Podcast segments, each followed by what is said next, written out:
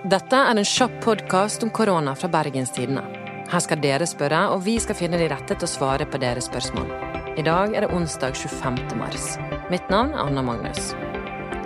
Henrik Svanevik, kollega og produsent, hva er det folk lurer på i dag? Nå er vi inne i andre uken med isolasjon, og folk lurer seg på hva skjer når verden åpner opp igjen? Hva er planene for å komme tilbake til normalen?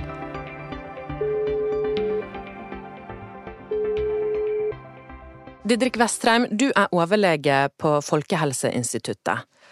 Og vi lurer egentlig på hva skjer når vi åpner samfunnet igjen? For nå lever vi ganske isolert i hjemmene våre, men hva vil skje med smitten når vi kommer tilbake gradvis til samfunnet? Litt av målet med å, at vi lever så atskilt og, og, eh, fra hverandre akkurat nå, er jo å, å ikke, gi, eh, ikke skape mulighet for at smitten kan overføres mellom, mellom personer.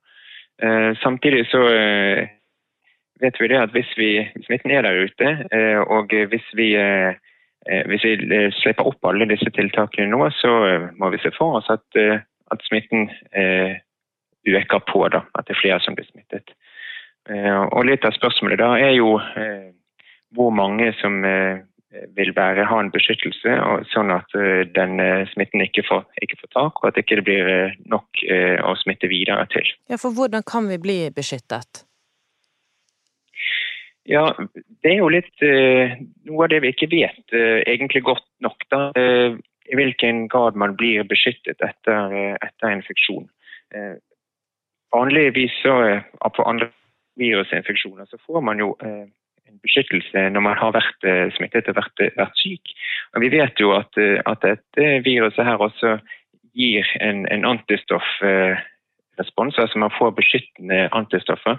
Men, men, hvor sterk den beskyttelsen er, det vet vi ikke. Og hvor lenge den varer, det vet vi heller ikke. Nå, nå tester jo vi ikke folk for koronasmitte i like stor grad, men hvis man tror man har hatt, eh, vært syk med korona, kan man da være sikker på at man er immun? Det vet vi jo ikke, det vet vi jo ikke ennå. Det er et av spørsmålene som, som vi har. Vi, vi, regner jo med at, at, når man har gjennomgått sykdommen, så har man i hvert fall noe beskyttelse. sånn at Hvis man blir smittet på ny, så vil man ikke bli syk på samme måten. Eh, og det igjen kan være nok til å redusere smitten i befolkningen. Da, at ikke man sprer smitten like mye videre, selv om man kanskje skulle, eh, kan bli smittet. Mm. Så selv om man ikke har en, en fullstendig beskyttelse, så vil, vil, en viss beskyttelse være med på å, å endre egentlig hvordan utbruddet brer seg. Så vi kan tro at vi har en viss beskyttelse om man har fått påvist at man har koronasmitta? Se på andre, eh, andre forkjølelsesvirus eh, som, som ligner på, på, dette viruset. Um, så er det jo eh, noen av de som er i sirkulasjon og som er i, i befolkningen i dag. Ikke, ikke, akkurat de samme, men, eh, med noen i, i, samme slekt, kan man si. Mm. Eh, og det er virus som, eh, som kommer igjen eh, jevnlig. Eh, og med, med, sesong, som altså vanlig forkjølelsesvirus med en sesongvariasjon. Eh, og da regner vi jo med at vi har en, vi har en beskyttelse, men at det, det er, det er, den er ikke den blir, viruset blir ikke borte, den, det går fremdeles i befolkningen. Det kan man se for seg også med dette viruset her, men, men, som sagt så vet vi jo ikke helt hvordan det kommer til å bli. Så hva vil du si til de som tenker ok, jeg er i eh, ung alder, altså mellom 20 og 40, og jeg er med god helse, jeg vil gå og bli smittet av korona og isolere meg selv hjemme. Og kan jeg da etter en to ukers tid gå tilbake og være en del av samfunnet? Ja, noe av, eh, av, tanken rundt hvordan man skal, eh, skal bremse eh, utbruddet, innebærer jo at, at, en stor del av befolkningen kommer til å bli, bli smittet og kommer til å bli, bli syk. De fleste kommer jo da sannsynligvis til å bli ikke ha alvorlig sykdom, da, men, men, men iallfall bli, bli smittet. Og Det som er litt av målet, er jo at man, skal, at man ikke skal få så mange syke på samme tid.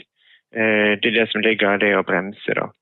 Sånn at eh, er en eh, Jeg vil oppfordre til å følge de anbefalingene og de rådene som er gitt nå for å, å prøve å begrense smitten, så, sånn at eh, de som blir smittet og syke nå, det er de som tilfeldigvis da blir smittet.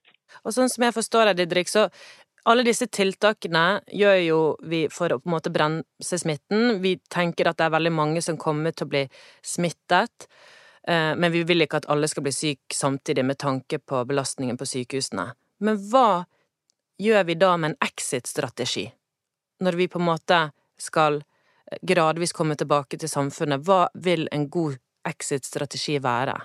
Ja, dette er jo noe av det som, eh, som det diskuteres egentlig og, og snakkes mye om eh, for tiden, fordi at vi ikke helt vet. Eh, vi, vi mangler fremdeles mye kunnskap.